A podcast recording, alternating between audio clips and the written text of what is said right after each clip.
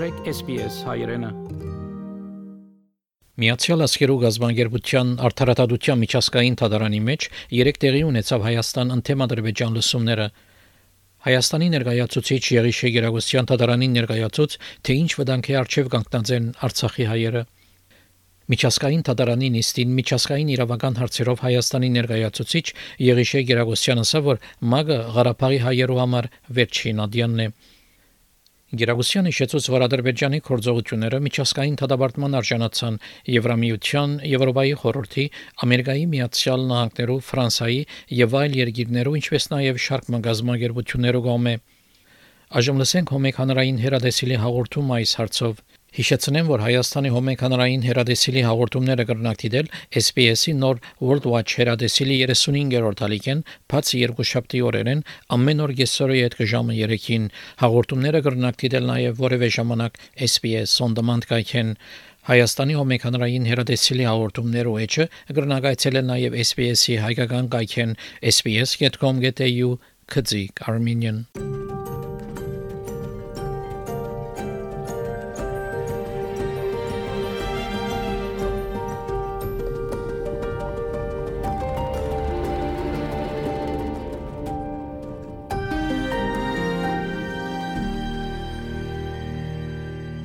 Եվ սկզբում հենց գլխավոր թեմայի մասին, եթե մակի արդարադատության միջազգային դատարանն անհապաղ միջոցներ չձեռնարկի, Լեռնային Ղարաբաղի հայերը անհնար ընտրության արժև կկանգնեն Նահագայում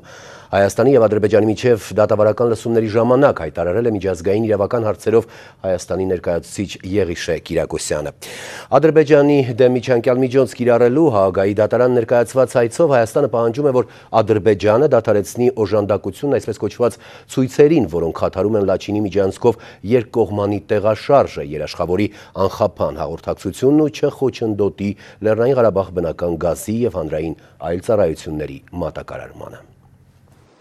Հայաստանը մակարդարադատության միջազգային դատարանից խնդրում է կիրառել միջանկյալ միջոցներ, որ Ադրբեջանը դադարեցնի օժանդակությունը Լաչինի միջանցքով երկու ուղությամբ տեղաշարժը խաթարող այսպես կոչված ցույցերին։ Երաշխավորի անձանց ավտոմեքենաների անխափան շարժը ձեռնպահ մնա Լեռնային Ղարաբաղ բնական գազի եւ այլ հանրային ծառայությունների մատակարարումը խաթարելուց։ Դատարանի նախագահ Ջոան Դոնահյուն նախ ներկայացրեց Ադրբեջանի դեմ Հայաստանի հայցը։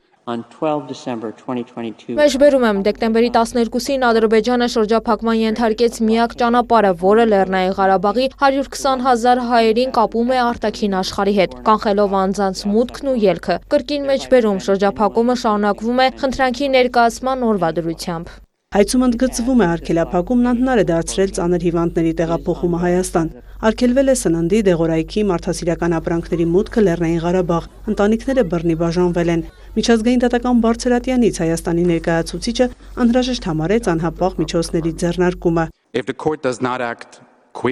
Եթե դատարանը անհապաղ միջոցներ չձեռնարկի, Լեռնային Ղարաբաղի հայերը անհնար ընտրության արժև կկանգնեն, թողնել իրենց պապենական տները կամ մնալ այնտեղ եւ սովամահ լինել։ Նախագահ Ալիևը դա հստակ հասկացրել է։ Նա բացահայտորեն պահանջել է, որ Լեռնային Ղարաբաղի հայերը հեռանան։ Նա պնդել է, որ Ադրբեջանի հիմնական պարտքը հայերին իրենց հողերից վտարելն է։ Նա ասել է, որ այդ հողում ոչ մի հայերեն երկ չի երկվելու եւ ադրբեջաներենն է իշխելու։ Միջազգային իրավական հարցերով Հայաստանի ներկայացուցչի խոսքով հույս կար, որ խնդրանքում ներառված հարցերը պետք է լուծված լինեին ՄԱԿ անվտանգության խորհրդի միջամտությամբ։ Մեկ ամսից ավելի էլ Եվրադատարանն է հրահանգել Ադրբեջանին միջոցներ ձեռնարկել երաշխավորելու ծանր հիվանդների անվտանգ շարժը։ Ադրբեջանը անտեսել է նաև Ստրասբուրգի դատարանի որոշումը։ Կիրակոսյանը ներկայացրեց ստեղծված հումանիտար իրավիճակն ու ընդգծեց, մեկ անձ մահացել է բուժօգնության բացակայության պատճառով։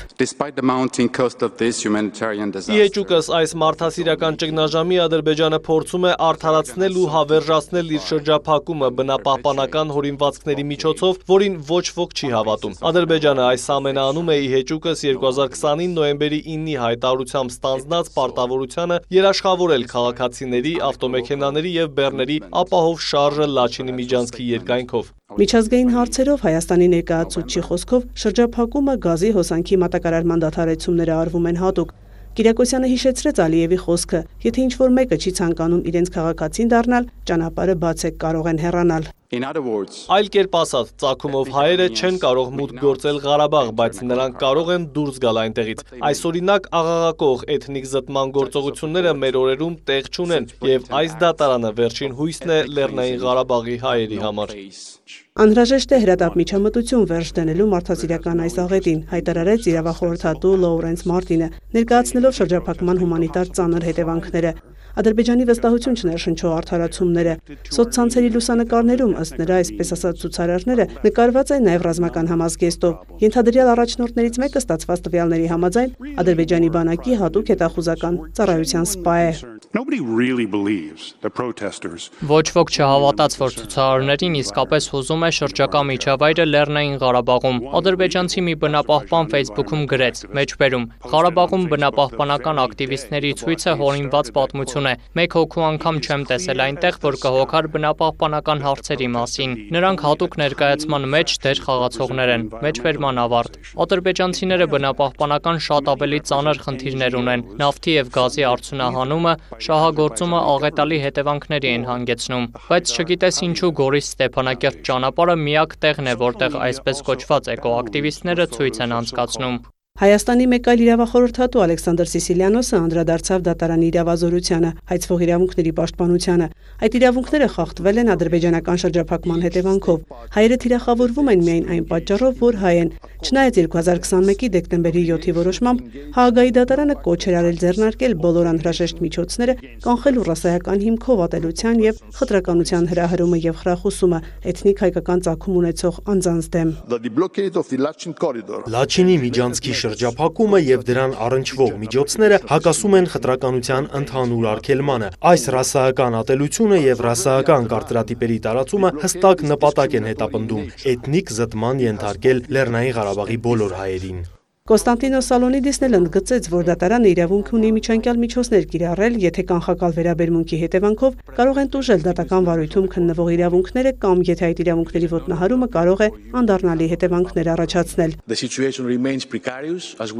Իրավիճակը մնում է վտանգավոր։ Արգելափակումը պետք է ամբողջովին վերացվի եւ պետք է ապահովի հանրային ծառայությունների անխոչնդոտ հասանելիությունը։ Սա անհրաժեշտ է խուսափելու մարդասիրական աղետից, որի ռիսկը օրեցօր ահագրանում է։ Ադրբեջանն անտեսում է կոչերը բացահայտ բարձրում է, թե ինչպես իրեն հնարավոր չէ կանգնեցնել, թե դա չի կարող անել միջազգային հանրությունը, անգամ Ստրասբուրգի դատարանի պարտադիր ուժ ունեցող որոշումը։ Մարդասիրական ճգնաժամը շարունակվելու է, եթե դատարանը հրատապ չմիջամտի։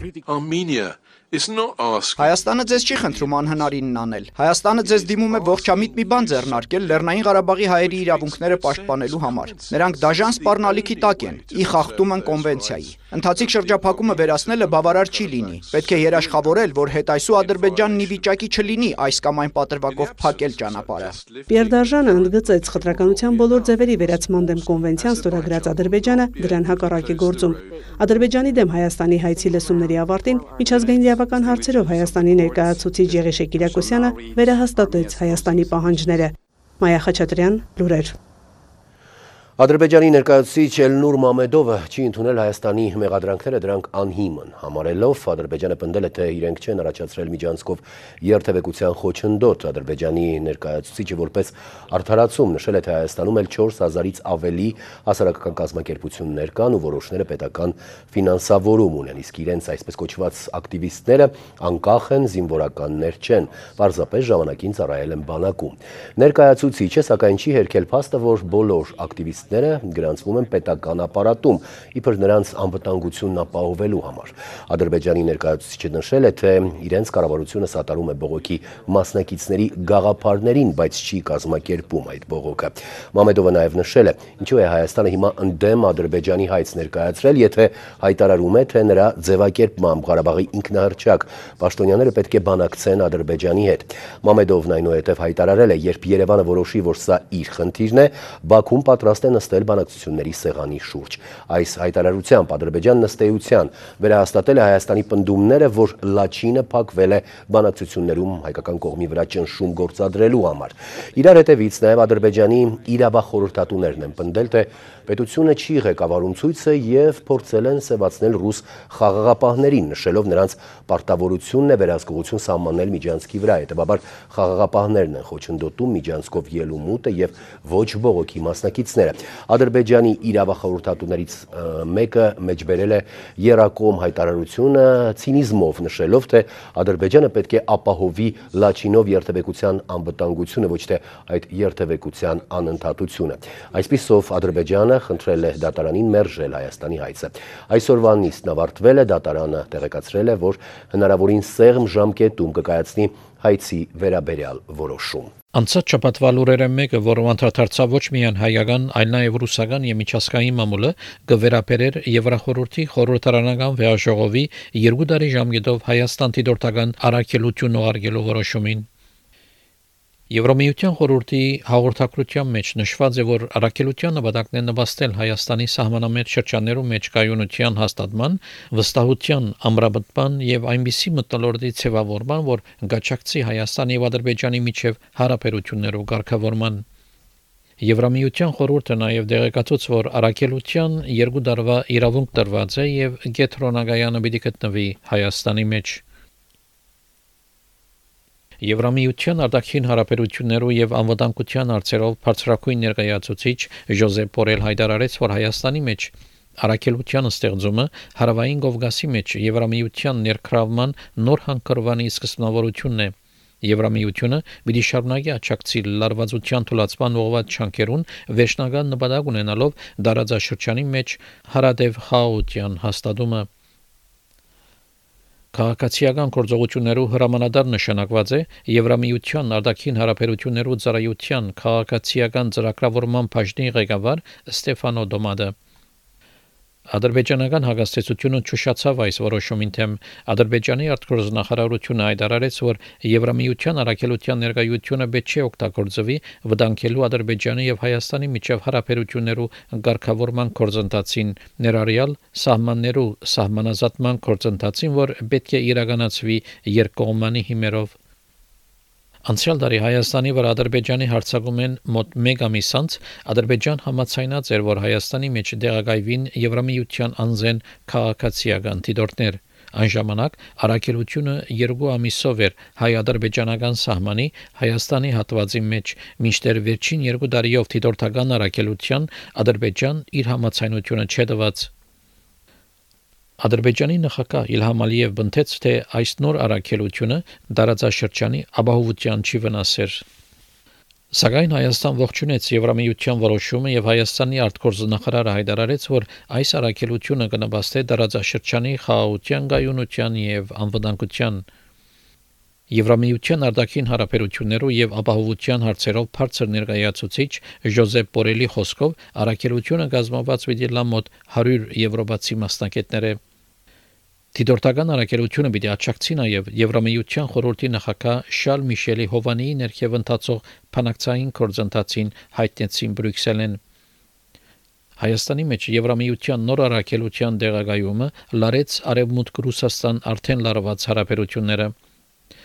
Ռուսաստանի Դաշնության նադակին կորձերու նախարարութենեն նշեցին, թե դարաձաշրջան հապ դիտորդներ կորձողելու հնարավորությունը դրամապանական ավարտին չհասցնելով Հայաստան որոշած է նախաբատվությունը տալ Եվրամիության Ըստ Ռուսաստանի արտաքին նախարարության, եթե հայ տաշտանգիստերու մոտ պահպանված է հետաքրքրությունը հապկի դիտորդական կարողությունները օգտագործելու վերաբերյալ, ապա առաքելությունը կարող է արագորեն դեղակայվել Ռուսաստանի արտաքին գործերու նախարարության համոզմամբ Եվրամիության քաղաքականությունը վնաս կհասցնի հայերուն եւ ադրբեջանցիներուն։ Ռուսաստանի արտաքին գործերու նախարարությունը նաև նշած է, եթե Բրյուսելի մեջ չհակրկրված լայն հարավային Կովկասի խաղաղությամբ, ապա դիտորդներու աշխատանքը կհամացայնեցնեին նաև Ադրբեջանի հետ։ Արցականկելով Ռուսաստանի արտաքին նախարարության հայտարարության Եվրամիության արտաքին քաղաքական ծառայության պաշտոնական ներկայացուցիչ Փիթեր Ստանո հայտարարեց, որ Հայաստանի եւ Ադրբեջանի միջև ղեկավարումը պետք չէ Եվրամիության եւ Ռուսաստանի Թաշնության միջև մրցակցության բադան դառնա եւ որ Ռուսաստան կսխալի համարելով որ Հայաստանի եւ Ադրբեջանի միջև ղեկավարման հարցով Եվրամիության թերը ուղված է Ռուսաստանի թեմ Ներկայիս կքննարկվի Եվրամիության դիտորդական առաքելության դեղագայման հարցը Հայաստանի մեջ, որ պիտի սկսի փետրվարին։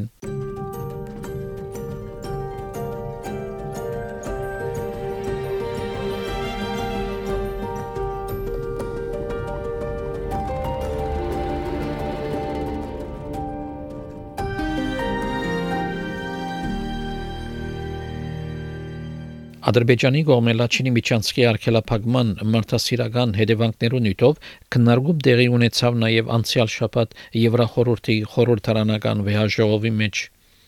Այժմ լսենք Հոմեգի հաղորդումը այս հարցով Հայաստանի հոմեքանրային հերադեսիլի հաղորդումները կրնակտիդել SPS-ի նոր World Watch հերադեսիլի 35-րդ ալիքեն, բացի երկուշաբթի օրերեն ամեն օր կեսօրը յետ ժամը 3-ին հաղորդումները կրնակտիդել նաև որևէ ժամանակ SPS on demand կայքեն Հայաստանի հոմեքանրային հերադեսիլի հաղորդումներով էջը կրնակ այցելել նաև SPS-ի հայկական գայքեն sps.com.au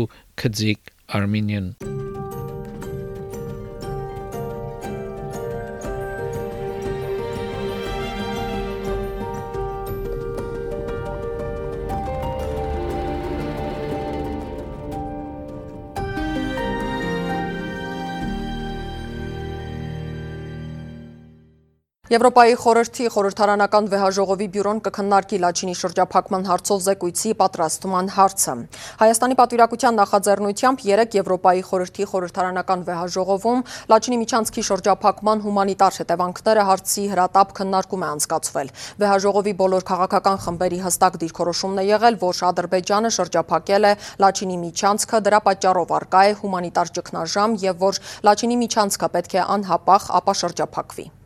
Ադրբեջանի կողմից Լաչինի միջանցքի արգելափակման հումանիտար հետևանքների թեմայով քննարկումը սկսվեց հիմնական զեկուցող շվեյցարացի Պիեր Ալեն Ֆրիդեսի ելույթով։ Նա շեշտեց, որ Ադրբեջանը համաձայն 2020 թվականի նոյեմբերի 9-ի երրակողմ հայտարարության 6-րդ կետի պարտավոր է ապահովել ազատ տեղաշարժը Լաչինի միջանցքով։ Ֆրիդեսը նաև մեջբերեց Միեդի կողմից միջանկյալ միջոց կիրառելու որոշումը, ըստ որի Բաքուն պարտավոր է վերականգնել ազատ տեղաշարժը միջանցքով։ Հիմնվելով տարբեր աղբյուրներից ստացած տեղեկության վրա, զեկուցողն արձանագրեց, որ Արցախի բնակչությունն առերեսվել է խորացող մարդաս արտասիրական ճգնաժամի հետ եւ մնացել է առանց անհրաժեշտ հրատապերժշկական ծառայությունների, գազը եւ էլեկտրականությունը մատակարարվում են խափանումներով։ It should be noted that the responsibility Երակողմ հայտարարության իրականացումը ռուսական խաղաղապահ ուժերի պարտավորությունն է, որոնք այս ընթացքում пассивություն են դրսևորել։ Հարցը քննարկվել է Միեդումային, բարձրացվել է նաև ՄԱԿ-ի անվտանգության խորհրդում։ Այնտեղ ելույթ ունեցող բոլոր երկրների ներկայացուցիչների ուղերձը հստակ էր՝ միջանցքի վերաբացումն անհրաժեշտ է իրավիճակի հետագա սլացումից եւ մարդասիրական ճգնաժամի ճգնաժամից խուսափելու համար։ Միջանցքի վերաբացման անհրաժեշտության մասին է շեշտել նաև Միացյալ Նահանգների պետքարտուղարության խոսնակը։ Միջանցքի վերաբացման անհրաժեշտությունը եւ Լեռնային Ղարաբաղ ՄԱԿ-ի ու ԵԱՀԿ փաստահավաք առաքելություն ուղարկելու անհրաժեշտությունը կարևորվում է նաև Եվրախորհրդարանի հունվարի 19-ի հայտարարության մեջ։ Այսպիսով միջազգային հանրությունը մոբիլիզացվել է այս հարցով, որդեգրելով միասնական դիրքորոշում։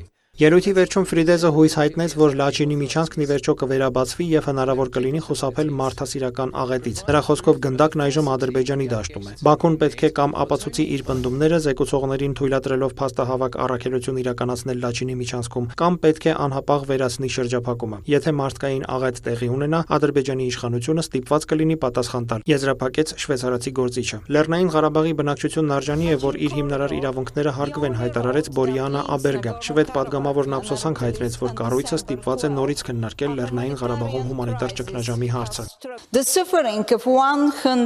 Լեռնային Ղարաբաղի 120 հազար բնակչության տարապանքն ավելի մեծ ուշադրության է արժանի։ Նրանք արժանի են, որ իրենց հիմնարար մարդու իրավունքները հարգվեն։ Խնդիրը տարածքային ամբողջականությունը եւ Հայաստանն ու Ադրբեջանը չեն, այլ մարդու իրավունքները։ Լեռնային Ղարաբաղի բնակիչները մրսում եւ տարապում են մթության մեջ։ Դա նաեւ տեղեկատվական մթություն է, քանի որ հունվարի 12-ին համացանցի միակ մալուխը նույնպես վնասել էին այսպես կոչված ակտիվիստները։ Պատգամավորի խոսքով չնայած գործադրվող ջանքերին Բաքուն արհամարում է միջազգային հանրության կոչերը։ Հայաստանն ու Ադրբեջանը պետք է իրար հետ խոսեն ազնվորեն եւ հավատով, որպես հարևաններ խաղաղ ապրելու համար, հայտարարեց բրիտանացի պատգամավոր Ջիլ Մորթիմերը։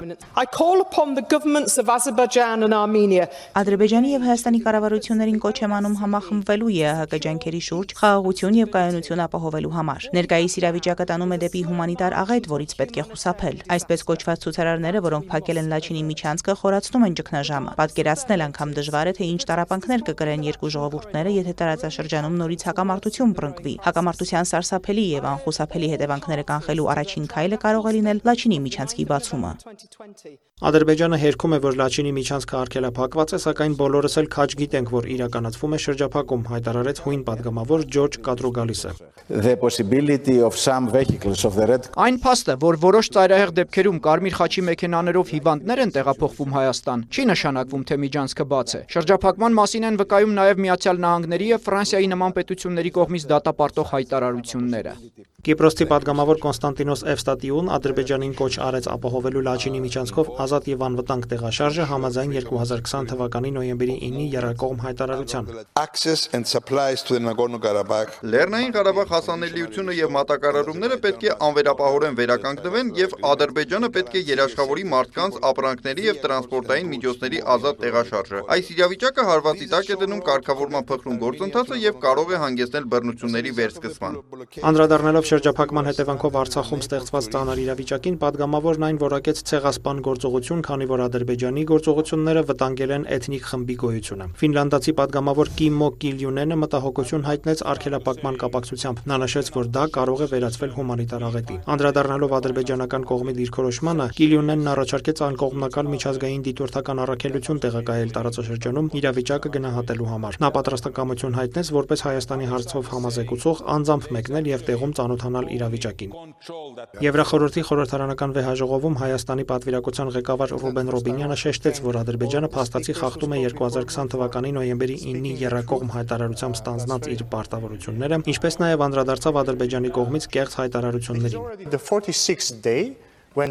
46 օր է ճանապարհը փակ է, չկա գազ ու էլեկտրականություն, քանի որ Ադրբեջանը խափանել է գազամատակարարումն ու էլեկտրաէներգիայի մատակարարումը։ Իհարկե Ադրբեջանը սա կհերքի եւ մեր ադրբեջանցի գործընկերները կսկսեն փաստեր բերել, որ չկա շրջափակում եւ կսկսեն արդարացնել շրջափակումն, այսպես կոչված էկոակտիվիստների փաստով։ Այս ամենը ստուգելու մեկ տարբերակ կա։ Եկեք ենթադրենք, որ հայերը բոլորին խափում են։ Խափում են Միացյալ Նահանգներին, Ռուսաստանի Դաշնությանը, Ֆրանսիային, Իրանին, Միացյալ Թագավորությանը, ԵԱՀԿ-ին, Եվրախորհրդին խորհրդին, Կարմիր խաչին, որ կա շրջափակում։ Սա նշանակում է, որ Ադրբեջանը պետք է համաձայնի, որ այս կառույցը փաստահավաք առաքելություն ուղարկի Լաչինի միջանցք։ Դա մեր ադրբեջանցի գործընկերների համար միակ տարբերակը կլինի ապացուցելու, որ մենք սխալ մեղադրանքներ ենք հնչեցնում։ Եթե նրանք չեն համաձայնում, դա նշանակում է, որ ցանկանում են ցեղասպանություն իրականացնել, մաքրել Լեռնային Ղարաբաղը հայկական բնակչությունից։ Ըստ Ռուբինյանի ստեղծված իրավիճակում Եվրախորհուրդը պետք է գործի համապատասխանաբար եւ քայլեր ձեռնարկի այդ ամենը կանխելու համար։ ԵԽԽՎ-ում Թուրքիայի ներկայացուցիչ